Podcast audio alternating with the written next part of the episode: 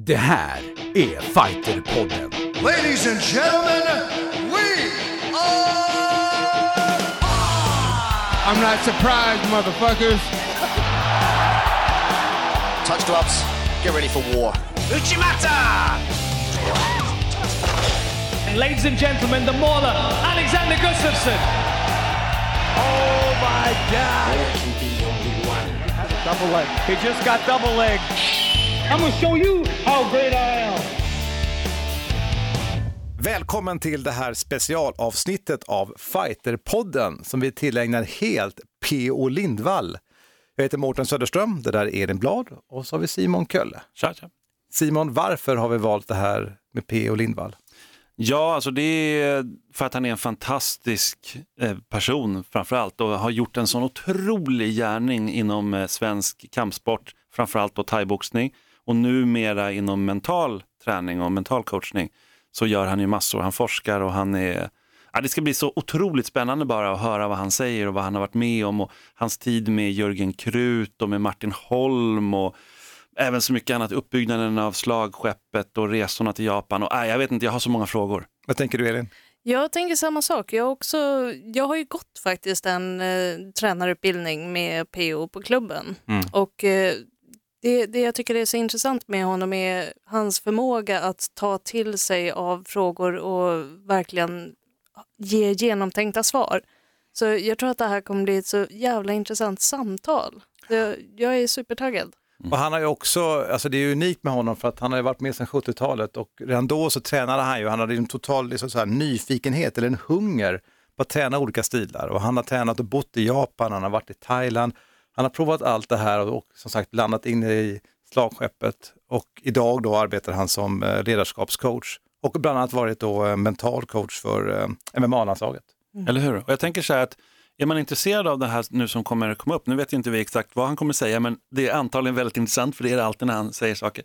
Så tycker jag att man ska dra ett mejl till oss, be oss ta in andra som honom om man tycker det är intressant, eller att han ska komma tillbaka kanske.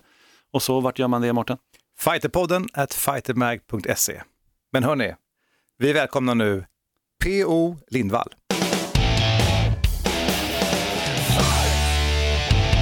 Fighterpodden som välkomnar dagens gäst, det är P.O. Lindvall. Vi diskuterar det här lite grann också, vad vi ska ha för presentation till dig, men det första är att du är ju en ledarskapscoach, men också grundaren av slagskeppet. Stämmer bra. Så är det. Ledarskapscoachningen har du kommit, kommit via kampsporten? Absolut, det började ju med att vi, eh, eller jag, mitten på 80-talet började intressera mig för idrottspsykologi. Eh, Och eh, så det tog några år innan jag fattade hur använder man det här. Eh, Men det började då synas genom att Jörgen och Martin framförallt då syntes. Vilket ledde till nästa fas i mitt liv, att börja jobba med andra idrotter med det mentala fokuset och då också träffade jag massa ledare där inom, men jag hade på klubben några hundra elever och det var en del som var chefer som undrade vad gjorde vi för att det skulle, gick bra? Och där började tråden och sen har den spunnit vidare och jag har forskat inom det området de sista 15 åren nästan. Wow. Häftigt, häftigt. Mm. Inte illa. Men eh, när, hur kom du in på kampsport från början? Idrottsdag, högstadiet i åttan. Vi fick prova judo. Judo var stort i Sverige, eller det är ju ganska stort fortfarande, men då var det väl väldigt stort, eller hur? Ja, det var, det var nog en av de största eh, kampsporterna i alla fall. Det här var lite in, karate och judo, det var liksom de två, eller hur? Första Ja. stora. Och boxning, Ja, boxning förstås. Och, och jujutsun fanns där också. Så jag från början, den killen jag tränade för då den här eh, idrottsdagen, han en gammal ungrare, jag råkade på massa ungrare i den här eh, Så han är tyvärr bortgången eh, ganska tidigt. Men det började med att vi körde judo och jujutsu där ute på Svartsjölandet. ja, okej. och så hade han en ungersk polare som hade bott i Japan i två år och tränat en karatestil som faktiskt hade en form av full kontakt med bröstmatta och hjälm. Och det var faktiskt redan på den tiden som Peter kom in. Peter Löv som ni har pratat med tidigare. Just det. Ja. Ja, så där började resan och det var 70-71 det där hände. om, vi tar oss tillbaka till den tiden såklart, att, att bara träna judo på en sån här skoldag, det låter ändå som att det var rätt tidigt. Alltså var det okej ens? Jag menar, var, var judon godkänd då som kampsport? Hur funkar det på den tiden? Ja. alltså judoförbundet hette ju judoförbundet från början. Och Robert von Sandor, som också var ungrare, var en av de som grundade judoförbundet. Som senare blev budoförbundet. Men vår karate var aldrig godkänd. Nej. För vi pysslade med full kontakt så att vi åkte ut med röven före direkt. Hur, hur kunde, ni, kunde ni hyra lokaler då, eller funkar det? Eh, ja, ja, det lyckades vi ändå. Det var inte skolorna, alltså vi hyrde ju en gympalokaler lite här och där på Lidingö bland annat där Peter då började en gång i tiden och i Solna och Sundbyberg till vi skaffade egna lokaler. Ja, just det. Vad var det som gjorde att du fastnade för det här då under den här skoldagen när du fick testa på judon? Jag var nog jävligt konstig 12-åring för jag läste Bushido. Eh, och lite zen och även europeiska filosofer och sådär. Så när det här liksom råkade ramla i min famn den dagen. Jag började träna på den klubben dagen efter. Och de första tio åren så tränade jag ungefär medel sex dagar i veckan. Bara två pass vissa dagar. Men hur liksom kommer helt- en 12-åring i kontakt med, med de här delarna som du pratar om, filosofi och zen-buddhismen? Bra fråga, ingen aning. Var, det- var det någon obskyr tidning du hittade i... Nej, jag har ingen, alltså inte minsta minne hur... Men, när- men du säger Bushido, läste du om Miyoto Musashi eller vad var det som gjorde Ja, att men du... Sashi kom senare, utan det fanns lite böcker om, om Bushido och, och kampsport är ju då sen. Alltså rörelse, meditation egentligen i grunden från början. Sen har ju kampmomentet och idrotten blivit en mycket, mycket större del av det Ja, hela. vi kan säga Bushido, det är, liksom, det är ju krigarens väg. Ja, ja. Precis. Men där i den finns ju också då en massa filosofier och mentala strategier. Ja. Och det här återkom ju sen i idrottspsykologin. Så jag började förstå, jag gjorde någon sån här konstig övning någon gång där jag liksom upptäckte att jag gjorde en, någon slags forsknings eller vad ska jag utforskande cirkel redan där, på, alltså som tonåring.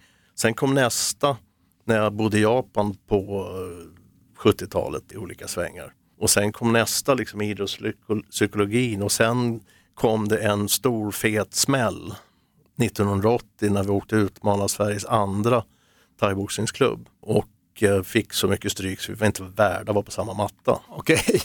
Så Det här, efter, det här känner jag att vi måste få höra mer om. Men Vad, vad är det här för händelse, den här stora smällen? Vi åkte ner och utmanade en thai kickboxningsklubb i Malmö som hette, från början hette det faktiskt Karatesällskapet Viking. Som startades av Bert Valentin Johansson som är boxningstränare bara idag. Han lämnade där och var Kyokushin-kille från början och bodde i Tokyo och tränade kick thai-boxning. Eh, Så det där läste vi om i FIBA Aktuellt av alla fina tidningar. Så då åkte vi dit. Hur får man för sig att göra en sån sak? Vem, vem kommer med den idén att nej men fan, vi, vi drar ner till Malmö och försöker spöa på de här snubbarna? Det går inte heller att förklara för det är ren dumhet visade sig. Men, men de, Ja. mot, de mottog er. Ja, ja. Välkomna. Men, ja, ja, för fan. Och så spöade de upp oss artigt och fint, men eh, det var liksom den händelsen, en av de viktigaste i mitt liv. Därför att det är ju så här med stilar, att det är jävligt mycket hjärntvätt. Sanningar. sanningar och jag hade ju gått på den japanska sanningen från min stil då som jag hade representerat.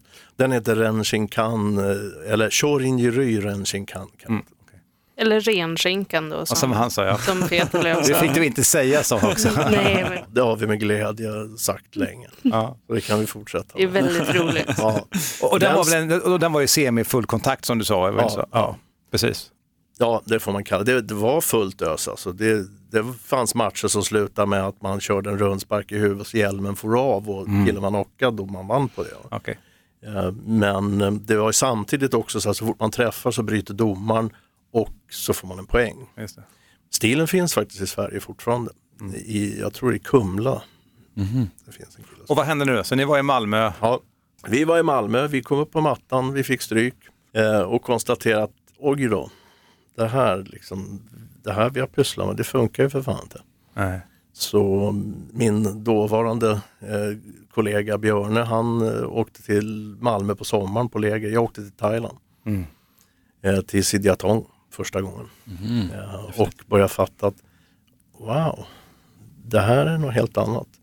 Framförallt så började musklerna fatta att det var något helt annat. För den träningsverken som uppstod när vi började träna på ett helt annat sätt med motstånd ifrån mamits och säckar, det gjorde vi faktiskt i den där stilen men det var så en liten del. Så plötsligt bör- började vi utveckla muskler som vi inte hade haft förut. Som behövs för att det ska bli något drag i grejen. Hur stor skillnad var det på den träning du hade haft då och den här thaiboxningen? Alltså det är ju stor skillnad för det, det var ju fortfarande så att i och med att du bryter vid en träff så blir det ju ett, ett poängsystemet gör ju att du använder en annan taktik och strategi. Där du liksom springer in och gör en träff och så ifrån. Och när du inte blir bromsad av domare, ja då blir det serier och då ligger du på och det blir en helt annan, det blir på riktigt Ja. på ett helt annat sätt. Så Det krävs väl en helt annan mental inställning för att kunna stand your ground och hålla på att fortsätta och inte leta efter den där enda träffen kan Ja. jag tänka mig. Absolut. Sen menar inte jag på något sätt att eh, jag tror på någon sluggerteknik utan jag tror på att det gäller att, att träna in väldigt rena tekniker men du måste liksom ha en helt annan balans. Men det var inte också en stor grej det här att du har en träff och backar för att du fick en poäng? Nu är det inte, var inte det lika extremt i den där stilen som det är i exempelvis vanlig traditionell karate. Där är det ännu mera Just det. sättet. Även om jag tycker, jag tittar på den här stilen lite grann på Youtube senaste åren så tycker jag de har kanske närmat sig mer av det de också. Gått Mm. mer ifrån den hårdare kontakten. Men Peter var lite inne på, pratade lite 80-tal och sådär, att det var, det var ju så mycket då som var liksom rykten. Och, och sådär. Och när ni då startar upp och med thaiboxning, bör, när började ni kalla det thaiboxning till att börja med? Alltså, vi började smyga med det namnet 80 men mer, det var ju mer kickboxing Kickboxning. Just Ja. termen som användes.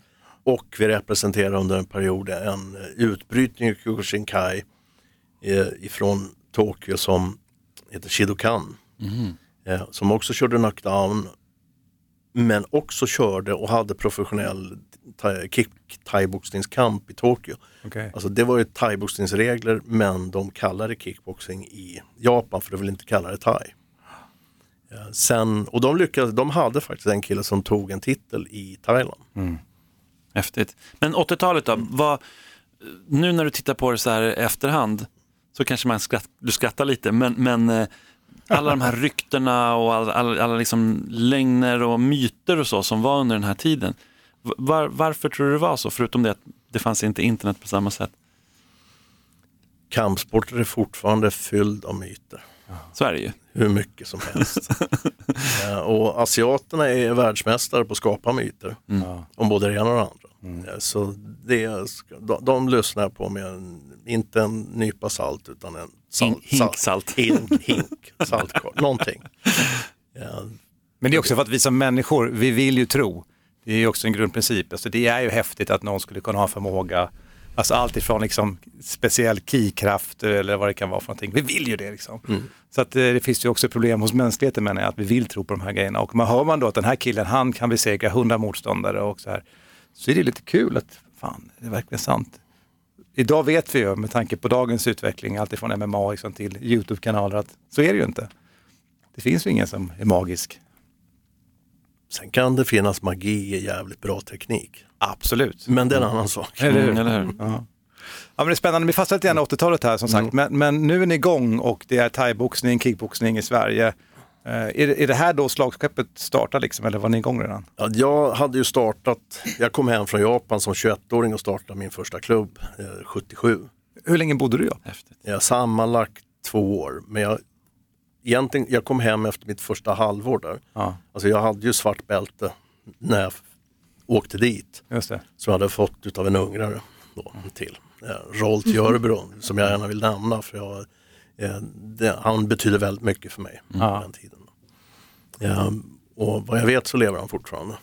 Han ringde här om nyår och sa nu måste vi ses i år. Ja, vad kul. Eh, Och faktiskt Christer Bergenhall körde den karatestilen för honom också. Så vi kände varandra innan han drog till Thailand 75. Christer Bergenhall är ju då han som startade Järfälla thaiboxningsklubb som var den första officiella thaiboxningsklubben och han var ju den som startade förbundet. Då. Ja, just det. Och jag var ner där och tränade han hade en thailändare någon gång på 70-talet, 76, 77 tror jag. Eh, Men jag fattade inte grejen då. Jag var för dum fortfarande. Så att, eh, och det, det, det, de flesta som håller på med thaiboxning länge känner ju till honom. Ja, just det. Eh, Så att nu är ni igång och eh, nu börjar det komma elever och det börjar växa det här då. Ja. Börjar ni tävla också då i thaiboxning eller? Eh, Vi, jag minns inte vilka årtal vi började tävla. Jag tänker att det är en klubb ni skulle vilja utmana i Malmö som du skulle åka ner till. Ja, ja. Jag kan säga, det enda jag kan säga om den saken, den killen som spöade mig mest Ja. Träffade jag på några år senare under en gradering när vi då som Shirokan-representanter hade ett bältesystem där man då kunde gradera sig med, med kickboxing thai-inriktning. Och då ville han gradera sig och då fick jag möjligheten att ge tillbaka. Härligt. Så det var helt okej. Eh, precis, tävlade ni i thaiboxning någonting? Ja. Jag tävlade i kickboxing några matcher. Jag gick 70-talet redan, när några öppna japanska mästerskap i den här karatestilen. Eh, och sen eh, 83 var vi tre stycken som åkte till Tokyo och gick professionella matcher då med thai-regler i Tokyo. Eh, per Hedlund och eh, Björn Hansson och jag. När man tittar på det här nu så har du tränat olika stilar. Ja. Eh, Alltså, det känns som att du har provat allt möjligt. Lite grann, vi pratade om det förut, det här med MMA, att du som testar olika stilar. Du var rätt tidig, du har sökt dig till olika. Vad har du tränat för olika stilar och du har också graderats, eller hur? Ja, en massa bälten. De har ingen större värde. Om vi Nej. tittar på thai och MMA så är det liksom samtidigt. Så det finns en baksida att det inte finns ett graderingssystem med de systemen vilket gör att vem som helst kan faktiskt utan kvalitetssäkring starta en klubb. Så det där kan man ju fundera över vad som är bäst och inte. Eh, Men om vi tar den där eh, frågan och så gör något annat av det svaret. Det är den här läxan 1980 i Malmö. Den betydde att jag lärde mig, någon, det viktigaste lärde mig, aldrig tro på en guru, en skola, en stil. Det blev så uppenbart. Och det har sen lett mig vid, även inom ledarskapsutveckling idag och forskning, så tror jag liksom inte på en teori, en skola, en inriktning, utan det är sociologi och psykologi och ledarskapsforskning och coaching. Och försöker se liksom hur, om vi plockar ihop ett antal olika teorier och använder det som filter för hur vi ska utvecklas som ledare, vad blir det då? Samma sak gjorde jag här på 80-talet. Så att det var ju en del utbyte mellan olika klubbar och sådär givetvis. Ehm, Jag åkte till Benny Urquidez i Kalifornien. Ben the Jet. Yes. Ja. Oj, oj, oj. The Legend. Ja, The Legend, legend. Jag bodde i hans. Be- Berätta bara för publiken här vem Benediet var. Benedict Urquidez var alltså flerfaldig världsmästare i kickboxing på början, på tidigt 80-tal. Eh, han knockade någon, bland, tror jag faktiskt, en kickboxare från Chilokan eh, med en spinning back kick. Han hade en sån som inte syntes när Den var kom. känd för det ja. Ja, den, den lärde, snodde jag. Jag tränade stenhårt på att få den att komma utan att vrida på en lilltå innan den kom. Häftigt. För det var en sån där, och det, den tanken har jag haft hela tiden, att liksom söka. Så på Sidiatong så försökte jag liksom få ut vad, vad är det de gör här? Och sen blev det mycket att vi faktiskt analyserar video eh, och tittar på olika stilar. Olika, för jag menar thaiboxning är inte thaiboxning en stil. Varenda klubb utvecklar sin egen stil. Eh, och det skiljer väldigt mycket om de kan boxas eller inte. Eh, om de kan kombinera knä och fötter och händer och så vidare och armbågar. Men, jag i publiken nu, alltså, om man inte har sett Benediet så ska man ju gå in på YouTube. Han har ju de köttigaste låren dessutom som har setts. Alltså, han är ju så stark. Han vann väl två, två 300 matcher eller något sånt. Det var ju otroligt många fighter han vann. Förlor, Förlorade bara två eller något sånt där till slut, i slutändan. Men då var aldrig, han var helt obesegrad tror jag i kickboxning, men det var ju när han gick mot just thaiboxare som Ja. det, han åkte på lite problem. Och det ser man, för man ser ju direkt när han försöker blockera low kick att ah, ah, det där Det gör han ingen aning om. Nej, han hade ingen exakt. aning om han skulle göra. Mm. Så, det gäller att begränsa sig vad man tar från vem. Mm. Ja, och vi hade även en eh, nyzeeländare som var här i Sverige en sväng som var väldigt duktig. Så jag sålde allt jag ägde och hade och drog till Nya Zeeland en sväng. Är det sant? Ja, jag trodde jag skulle bo där men jag var där någon månad och sen tyckte nej, fy fan. För varmt, eller? nej, det var lite, det var som, jag vet inte, hamla på liksom vischan i USA fast på 1800-talet. Eller något. Ja. Nej, är, det, är det här 80-talet också eller? Det- Ja. Men det är så märkligt idag för det har hänt så otroligt mycket med kampsport så att det är nästan svårt tror jag för den här generationen, den nya generationen som håller på nu som är kanske 18 till 25 där, eller något sånt där. De, de nästan tyck, förstår liksom inte riktigt att det var så att folk inte kände till stilarna och att, alltså allt det här som vi vet idag. Men eh, du som har varit med om det och sett det liksom från grunden, det, det är fascinerande att höra verkligen. Men hur utvecklade det sig sen vidare då på 80-talet? För för 90-talet då kom det ju en boom liksom. Ja. Ja, men tävlingarna börjar ju ta fart där någonstans på mitten på 80-talet. Så då börjar ju våra killar tävla. Ja, och det var ju Järfälla som dominerade faktiskt på SM. Ja, men som inte faktiskt, de har ju sin första världsmästare i slutet på 90, början, nej 2000 tror jag. Till och med. Även om Thomas Rasmussen då tog en EM-titel på, när det var det då, 87 kanske. Dennis Sigö tog någon Europatitel där också. Thomas var väldigt tuff, kommer jag ihåg. Ja, väldigt hård fighter. Ja. absolut. Och jag hade ju då min tanke, jag var inte helt objektiv på den tiden. Det är mycket lättare nu när man liksom har distans till det hela. Så tyckte jag att de bara kunde knän. Eh, men när jag tittar på Thomas idag så ser jag, nej men vad fan, alltså på gamla fighter, ja, han kunde lite mer. En hel del mer. Hur växte klubben nu då under 90-talet? Vi var 200-300 tränande per termin under ganska många år och det började nog redan nere på slagskeppet som ju var en boxerbåt som låg, på Södermälarstrand. Och där låg vi från 85 till 90 under den perioden växte vi. Eh, innan det var vi betydligt mindre men det var det tillväxtperioden och sen flyttade vi till större lokaler på Krukmakargatan och då hade vi modell fyra grupper per kväll. Det var fullt över. Alltså förlåt, men det är ju världens bästa namn, Slagskeppet. Hur, hur kom ni ens på att hitta den i lokalen? Ja, lokalen, det var ju något vansinne jag hade för mig där redan på 70-talet. Den här cirkusen och betala idiotpengar för att bo. Nej, nej, jag ska ha en båt. Så hade jag först en skuta som jag bodde på på Strandvägen. Men så tänkte men Ska man säga också, det är ju en väldigt bra adress i Stockholm att bo på Strandvägen. så jag växlade upp det där lite grann. Den båten ligger kvar faktiskt. Inte där, men den ligger vid en kaj, men i Göteborg nu. Eh, och det var faktiskt så att jag fick kontakt med en gammal polare som jag inte har sett och hört av på 20 år igår via Facebook. För han hade kommenterat någon bild på slagskeppet som heter Stjärnö egentligen. Och sa han, för en bogserbåt är en han, och så, eh, ligger nu, tror jag var Eriksbergs varv där den faktiskt var byggd. Jag bor där, jag ska faktiskt gå ner och se om jag Ja, hittar den. Vad heter den? Stjärna? Stjärnö. Häftigt. Ehm, Så du bodde alltså på skutan och sen så tränade ni där fyra gånger i veckan. Kan du sätta, jag tror att det är svårt för oss kanske att förstå helt, men det livet, det är ju liksom ett bohemliv närmast, eller det är ju otroligt annorlunda liv. Det är ju inte så här som att jobba på posten på den tiden eller bank, alltså det är så här, det är verkligen något helt annat liv. Och ha en klubb där du går liksom och hand om massa folk varenda dag, det blir liksom, jag vet inte, privatliv, fanns det ens? säga så här, jag gifte mig när jag var 51 första Okej, gången. av den här anledningen eller? Förmodligen, Ja. Men klubben blir en familj, eller hur kan man säga? absolut. Och, och du tog hand om väldigt många, bland annat Peter, han pratade ju väldigt varmt om dig och så. Och hur du liksom såg honom och hans problematik och sådär. När började du förstå det då? Att det här, kan jag, det här är inte bara fighting och bli bäst på att slåss, utan här kan man liksom använda till att slå in en kil liksom i någon som har problem också. Det var, en- det var nämligen så här på 70-talet och början av 80-talet så tävlade vi inte överhuvudtaget. Eh, Det var inte ens viktigt. Det var inte ens intressant. Utan det var mycket mer kampsport. Jag hade 12 år läsa liksom Bushido, du förstår ju själv.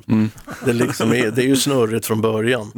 Eh, Så att det var en sätt att leva.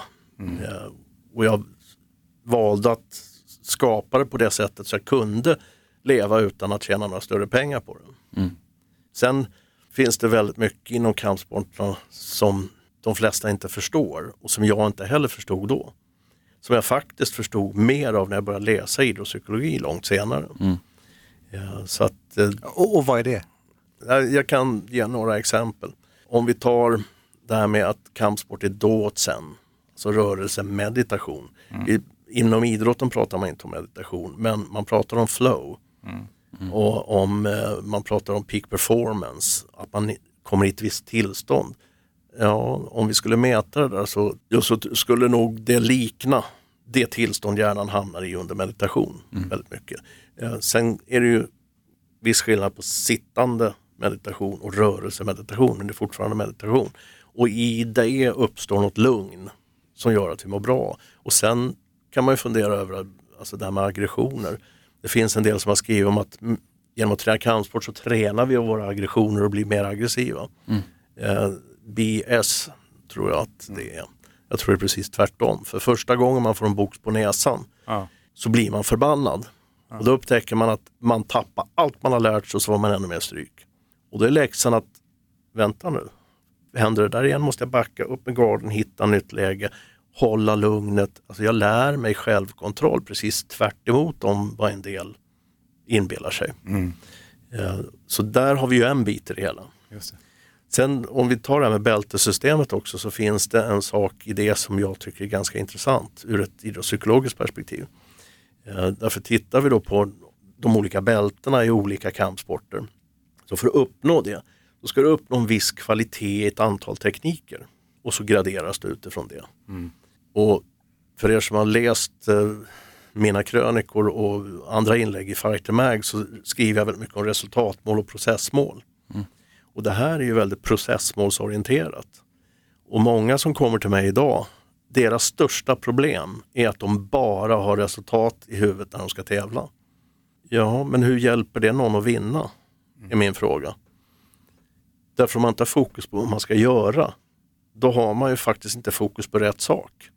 För det är så mycket man ska göra när det är fight. Och då gäller det att ha fullständig koll på sitt gameplan och sin taktik, timing och teknik.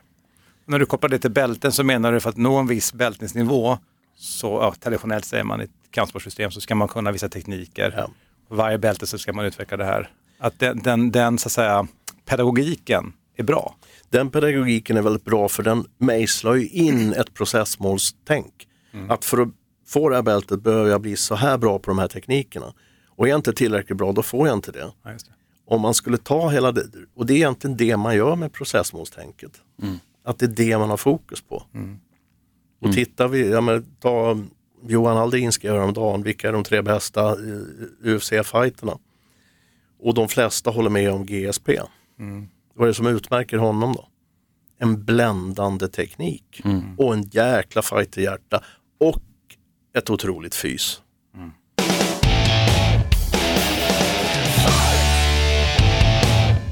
Ett poddtips från Podplay. I podden Något Kaiko garanterar östgötarna Brutti och jag, Davva, dig en stor dos skratt. Där följer jag pladask för köttätandet igen. Man är lite som en jävla vampyr. Man har fått lite blodsmak och då måste man ha mer. Udda spaningar, fängslande anekdoter och en och annan arg rant. Jag måste ha mitt kaffe på morgonen för annars är jag ingen trevlig människa. Då är du ingen trevlig människa, punkt. Något Kaiko, hör du på Podplay. Därför är gardinerna.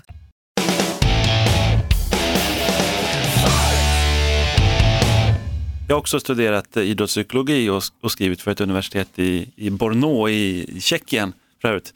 Men, men då fick jag, in det, fick jag in det också, om, om just att komma in i zonen. Det är just det, är just det jag har studerat.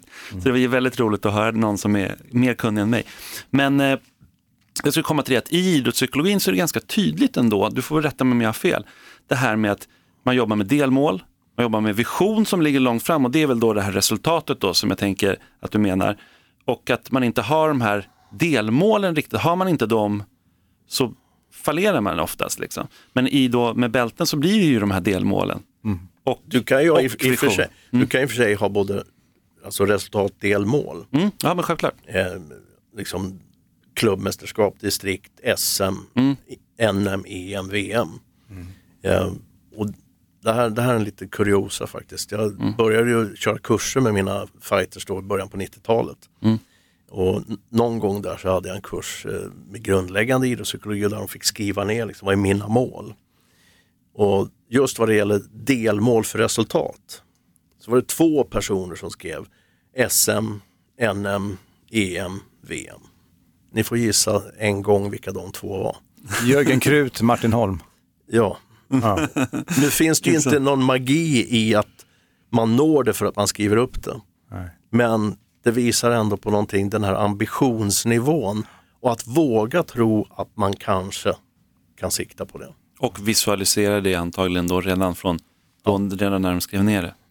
Men framförallt så visualiserar de och det framgår ju av, och ni har inte missat boken VM-resan, eh, så pratar just både Jörgen och gamla intervjuer med Martin då väldigt mycket hur processmålsorienterade de var, hur mycket de visualiserade tekniken och försöka få till det där perfekta. Och det, det är lite som eh, Ingmar Stenmark, drömåket. Och nu, nu när du tar upp det med Martin Holm, han har ju förmodligen gjort ett väldigt stort intryck på dig i ditt liv.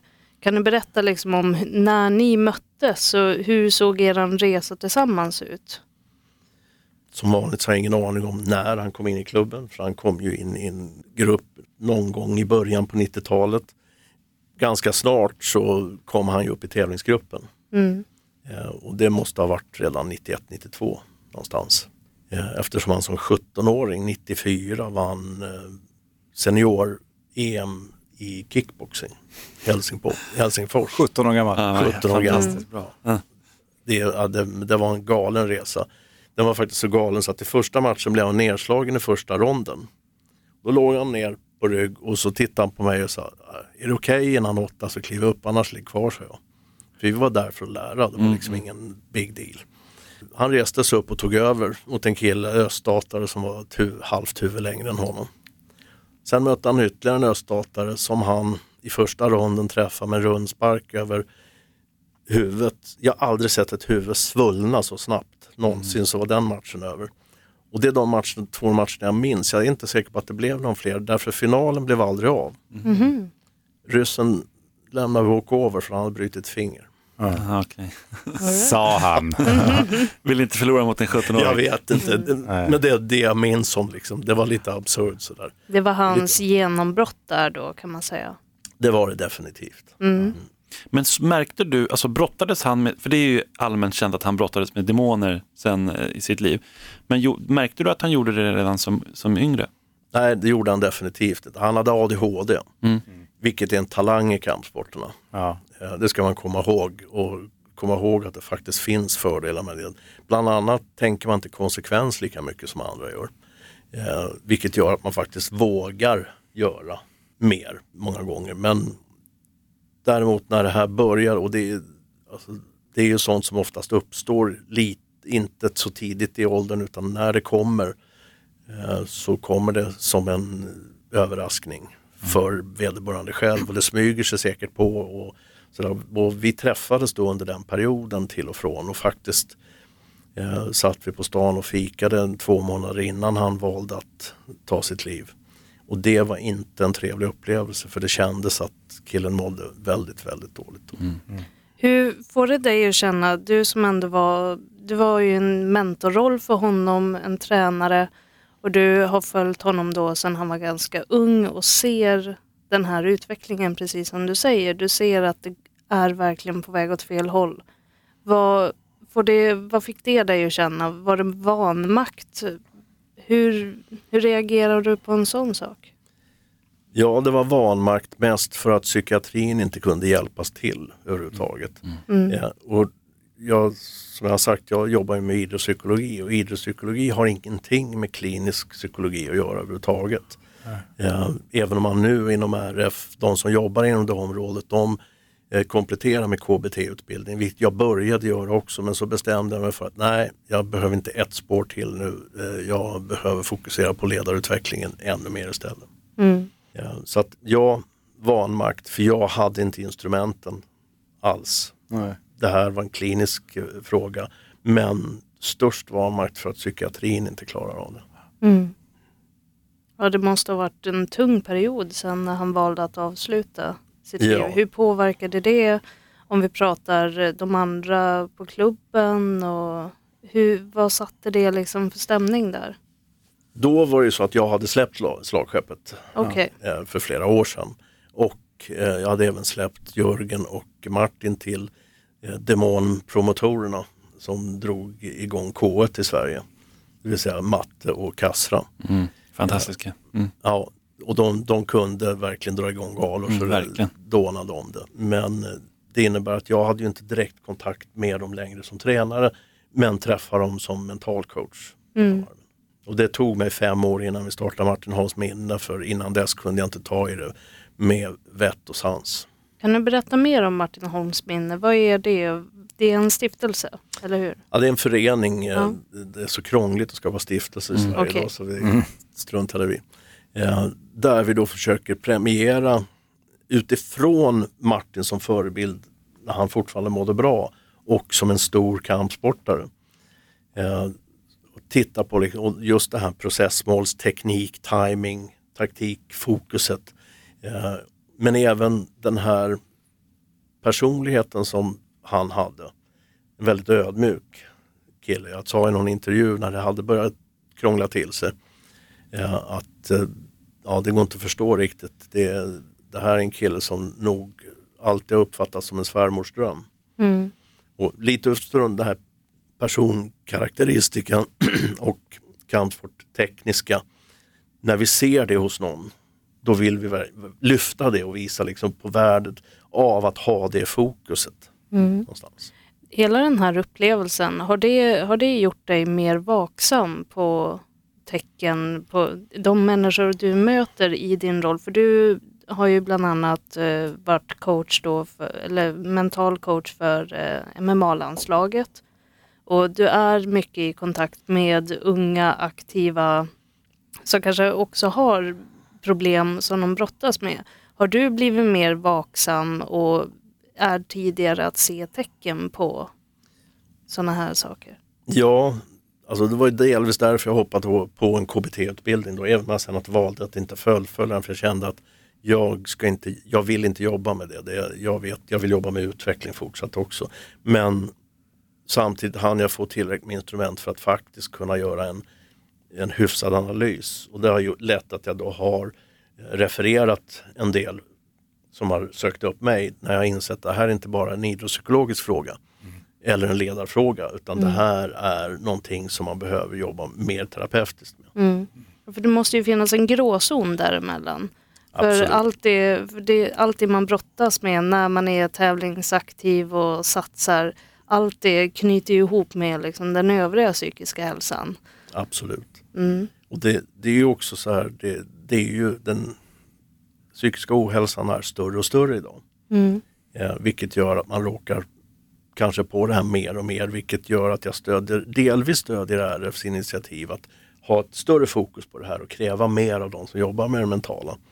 Eh, samtidigt så har de ett för smalt fokus och stödjer bara det.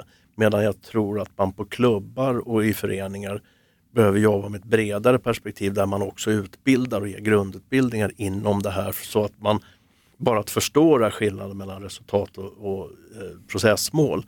Alltså, jag vet inte hur många fighters jag har hjälpt med det och det har gjort en jätteskillnad. Därför att då plötsligt kan de fokusera på rätt sak när det gäller. När vi pratade om Martin Holm så kom vi också in på Jörgen Krut och de var ju jämnstora och tränade ihop liksom. Och Jörgen Krut hade en annan resa, hur har den varit med honom? En sak som är otur är just delvis det du säger här. Att de var jämnstora. Ja. Så det blev ju lite konstigt därför att de gick i samma viktklass under många år. Eh, och det blev ju då att okej, nu är det VM. Eh, Jörgen är äldst, han får börja. lite så vart det. Eh, och det var inga problem i och för sig. Va? Men hade de varit mer åtskilda i viktklasser så hade de förmodligen haft ytterligare ett skåp fyllt med priser. Ja, olika resor där. Ja, ja. ja såklart. Just det. Och det här är ju, jag tänker idag har vi ju många nya, alltså Sverige är ett väldigt starkt eh, land inom kampsport eh, och framförallt inom thaiboxning. Ehm, Men där var ju de första namnen som verkligen slog igenom i Sverige, framförallt liksom kanske Jörgen Krut som på ett sätt blev ännu mer känd. Hur, hur ser du på- thaiboxningen idag kontra då? Är det någon skillnad tycker du? Ja, det här hör jag ju mycket om som jag tycker är ganska intressant. För man säger att ja, thaiboxen har utvecklats så enormt. Eh, nja. Intressant. intressant. Alltså den har ju gjort det på vissa sätt. Det är en mycket mer klubbar. En mycket bredare eh, och större konkurrens i Sverige. Men hur många tar sig hela vägen internationellt? Och här kan vi jämföra med andra idrotter. Ta friidrotten. I början på 2000-talet så hade vi Carolina Klüft och Stefan Holm bland annat. De var outstanding i ett antal år. Även om det då samtidigt fanns mängder av andra friidrottare som också var duktiga. Men de var de två som stack ut och som höll sig på en annan nivå. Och under 90-talet så var det få som lyckades med den resan Martin och Jörgen gjorde och som upprepade gång på gång på gång under 6-8 år eller mer till och med för Jörgen. Även om Larry Lindvall tog både ett kick och thaiboxningsguld och så vidare. Det finns fler som går att nämna också men det är inte, det är inte så många som lyckas ta sig hela vägen. Ehm, så att, ja på tjejsidan idag Mm. har vi massa tjejer som tar eh, medaljer. Men vi har inte många som tar VM-medaljer på här sidan. Vad tror du det kan bero på? Jag tänker citera en professor i idrottspsykologi som heter Dan Gold. Han sa så här, ironiskt ställde han frågan, hur blir man en jäkligt bra idrottspsykolog? Man har turen att få jobba med de bästa. Och lite grann Det ligger det ja, jag fattar. Och det är ju samma med tränare. Alltså, jag kände i slutet på 90-talet när jag lämnade över slagskeppet att ja, men alltså, den här resan kommer ju inte, den kommer inte hända igen. Det kommer bara vara ekorrhjulet. Och jag hade redan börjat tio år tidigare en annan resa som jag ville jobba mindre med kroppen och mer med huvudet om vi säger så. Och sen du lämnade, vi har ju pratat med Peter och han berättade lite om hur han, han såg det som en fackla som han fick av dig. Eh, och liksom ta den vidare och hur stort det var för honom och, och så.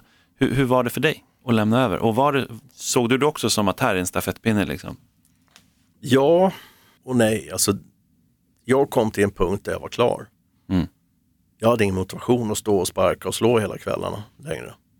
Jag var tvungen att göra något annat för att få en ny stimulans på ett helt annat sätt. Men var, var du också trasig i kroppen så det var liksom flera faktorer eller var det bara omotiverad?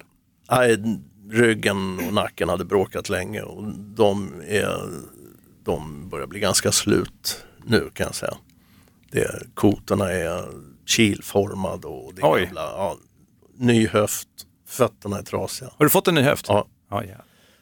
Fin titan. Ska ha titanskenben också så hade du klarat dig mot sparkarna. Ja, precis. Jag tolkar det som att det inte var en jättegrej då för dig, eller? Hur, hur, hur var det liksom att Ja, lämna? det, alltså det var ingen jättegrej när jag gjorde det för jag var klar. Mm. Men det är fortfarande en saknad.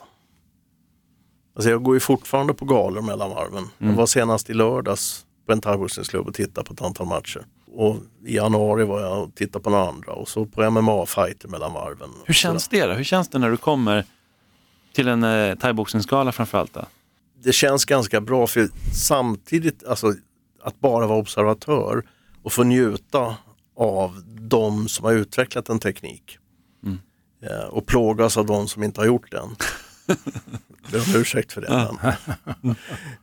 Det, är, det är en sann glädje och det är ganska skönt att slippa ha ansvaret i hörnan. Även om det faktiskt inte var många år sedan jag stod som coach i hörnan till i olika fall eh, med sådana som jag jobbar med idrottspsykologiska och där jag då blev tillfrågad utifrån ledars, eller coach, det coachande ledarskapsperspektivet att faktiskt vara med i den situationen. Och det är jäkligt roligt.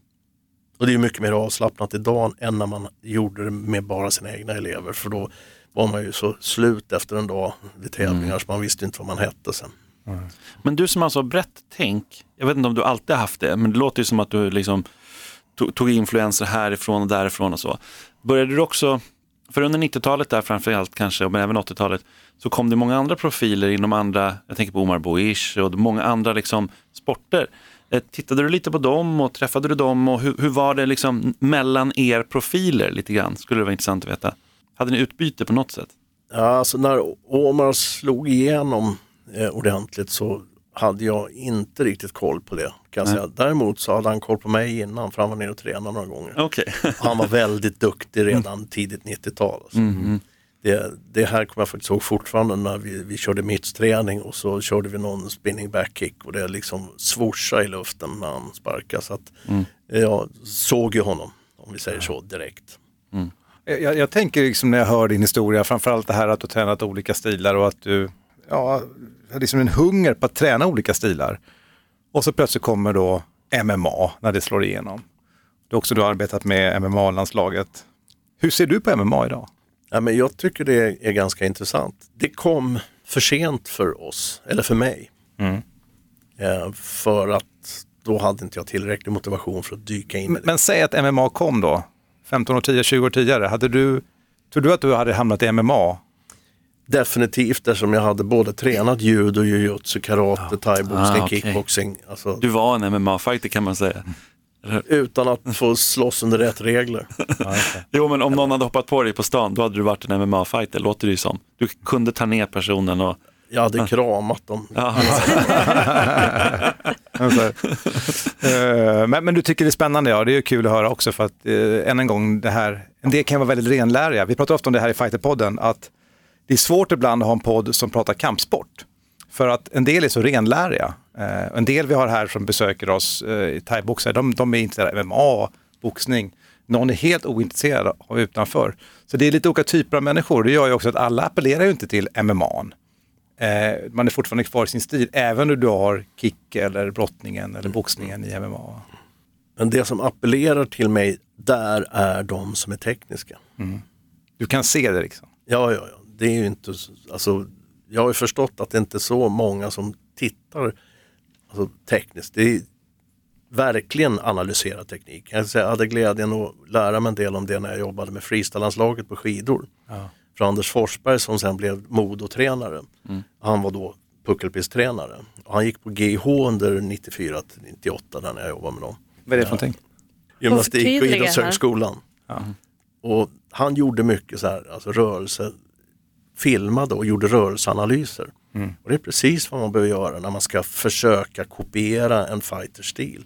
Vi tittar så in i helsike på en av, av thailändarna utsedd som en av de tio bästa genom tiderna. Samart Parkurun. Eh, vi tittar på Diesel Noy eh, som var väldigt extrem knägubbe men då snodde vi bara den delen därifrån och sen den, vissa saker från Samart och så vidare. Eh, men då måste man verkligen förstå liksom, och titta på djupet och titta, alltså dra linjer i hur rör han sig, hur, hur flyttar man huvudet under ett slag, hur rör sig balansen från fot till fot under slagserie och så vidare. Och så vidare. Analysera. Analysera. Är det så att väldigt många kampsportare är nördar? Alltså om man, om man gör sådär, det är ju väldigt nördigt. På ett, jag menar det som väldigt positivt, jag är själv en nörd. Men är det så skulle du säga? Jag tror att de flesta kampsportare är betydligt nördigare än jag någonsin kunde räkna till. på det sättet att jag pratade sällan kampsport på fritid. Okej. Mm. Det liksom hade jag nog av på träningen. Hade du andra intressen alltså? Ja, Kan du berätta mer? Tjejer. ja det, det fanns där. Det fanns där. Kvinnfolk. hu- hundar faktiskt. Okej. Ja, så jag, under slagskeppetiden hade jag en trefärgad collie och en byracka som bodde nere på båten på slagskeppet. då. Nu har jag en trefärgad collie igen för att jag, den eh, killen har jag saknat länge. Även om jag har haft flera hundar sedan dess. Mm. PO, det är dags för oss att knyta ihop den här intervjun. Och jättekul att ha dig här, spännande. Det känns som att man kan ta en podd till nästan, det är så mycket frågor. Minst en till tycker jag. Eh, Del två. Ja. Och så tack också för allt du har gjort och det du gör fortfarande för eh, svensk idrott och svensk kampsport. Tack själva. Tack för att du kom till Fighterpodden. Tack för att jag fick komma. Stor applåd.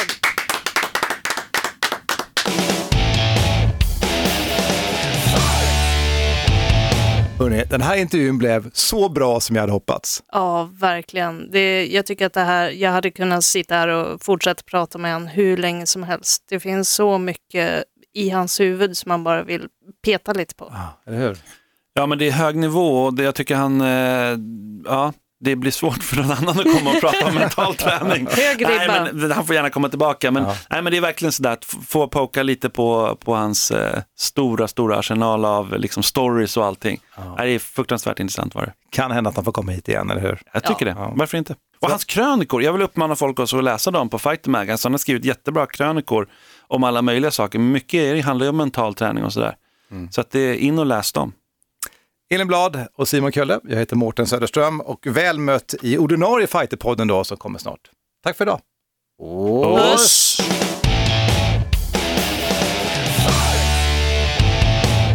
Fighterpodden produceras av Suba Media för Radio Play. Ett poddtips från Podplay. I fallen jag aldrig glömmer djupdyker Hasse Aro i arbetet bakom några av Sveriges mest uppseendeväckande brottsutredningar. Går vi in med hemlig telefonavlyssning och, och då upplever vi att vi får en total förändring av hans beteende. Vad är det som händer nu? Vem är det som läcker? Och så säger han att jag är kriminell, jag har varit kriminell i hela mitt liv men att mörda ett barn, där går min gräns. Nya säsongen av Fallen jag aldrig glömmer på Podplay.